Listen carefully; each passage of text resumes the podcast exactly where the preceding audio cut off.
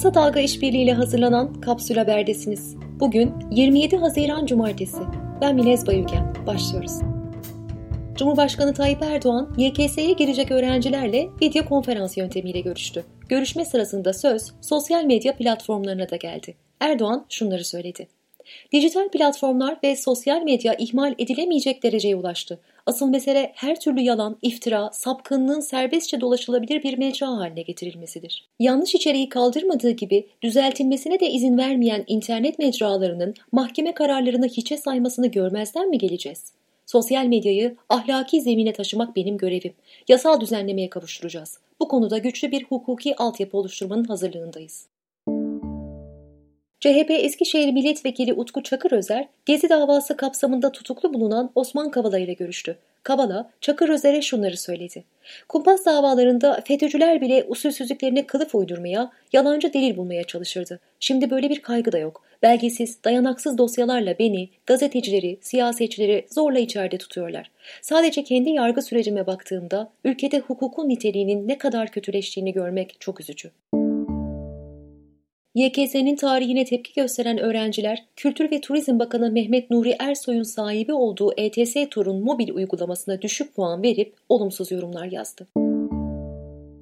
Jandarma Genel Komutanlığı darbe girişimi davasında 86 sanığa anayasayı ihlale teşebbüs suçundan ağırlaştırılmış müebbet, 35 sanığa da aynı suçtan müebbet hapis cezası verildi.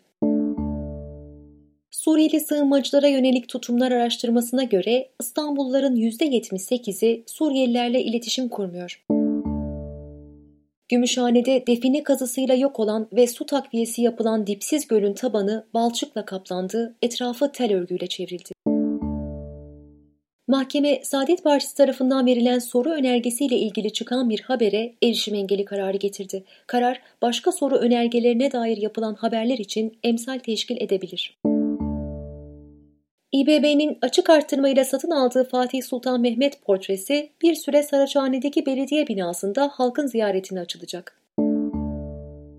Diyarbakır'da aralarında görevden alınan eski HDP'li belediye başkanlarının da bulunduğu 42 kişi gözaltına alındı. İzmir'in Menemen ilçesinin CHP'li belediye başkanı Serdar Aksoy hakkında THKPC, Devrimci Yol, Devrimci Gençlik, MLKP, MKP, HKO, TKPML, TİKKO, KPİÖ örgütlerinin propagandasını yapmak suçlamasıyla soruşturma başlatıldı. BBC, Britanya'nın Türkiye'ye gönderdiği atıkların izini sürdü. Haberde Türkiye'nin yurt dışından gelen tonlarca plastik atık bir yana kendi plastik atıklarını bile geri dönüştürmek için yeterli kapasitesi olmadığı eleştirilerine yer verildi. Sırada güncel COVID-19 verileri var. Bugünkü vaka sayısı 1396. Son 24 saat içerisinde 19 kişi hayatını kaybetti. Böylece toplam vefat sayısı 5065'e yükseldi. Türkiye'de halk sağlığı uzmanları açılma ile birlikte vaka sayıları artarken test yaptırmanın güçleştiğini söylüyor. Sahadaki hekimler sadece hastalık belirtisi gösterenlere test yapıldığına işaret ediyor. 1 Temmuz'da açılmasına karar verilen internet kafeler ve video oyunu yerlerinde maskeyi çıkarmak yasak olacak. HDP bir milletvekilinde koronavirüs tespit edildiğini duyurdu. Meclis 30 Haziran'a kadar tatil edildi.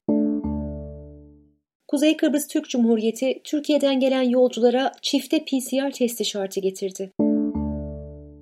Sürü bağışıklığı uygulayan İsveç'te vaka artışı kontrol altına alınamadı. Birçok ülke sınırlarını kapatmaya başladı. İtalya'nın Napoli kenti yakınlarında karantinaya alınan bir apartmanda isyan hareketinin başlaması üzerine ordu göreve çağrıldı. Pandemi döneminde Türkiye'de tüketicilerin en fazla şikayet ettiği sektör %447'lik artışla kargo sektörü oldu. Suriye'deki insan hakkı ihlallerini belgeleyen Hakikat ve Adalet için Suriyeliler örgütü yeni bir rapor yayınladı. Rapora göre Türkiye'nin müttefiki Suriye Milli Ordusu Kuzeydoğu Suriye'de yağmaladığı tahılla ticaret yapıyor, Ankara'da buna olanak sağlıyor. ABD'de yapılan bir araştırmaya göre eşcinselliğin toplumlarda kabul görme eğilimi dünya genelinde arttı. Türkiye'deki kabul oranı %25. Amsterdam'da kent merkezinin tarihsel dokusunu yansıtan 3 bölgede 1 Temmuz'dan itibaren Airbnb de dahil olmak üzere tatil için ev kiralamak yasaklanacak. NASA, ayda kurmak istediği üste kullanılabilecek en uygun tuvalet için yarışma başlattığını duyurdu. Yarışmayı kazanan projeye 35 bin dolar ödül verilecek.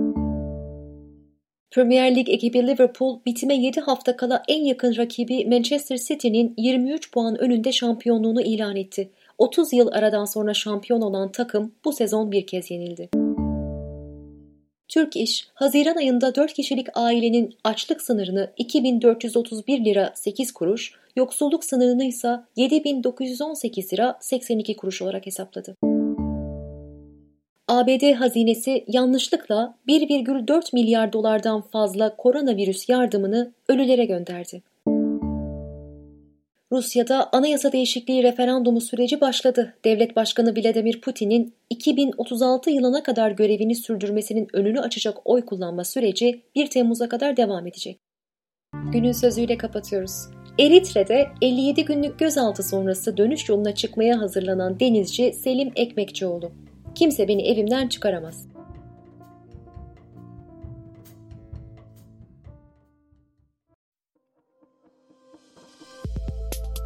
Bizi Kısa Dalga Net ve podcast platformlarından dinleyebilirsiniz.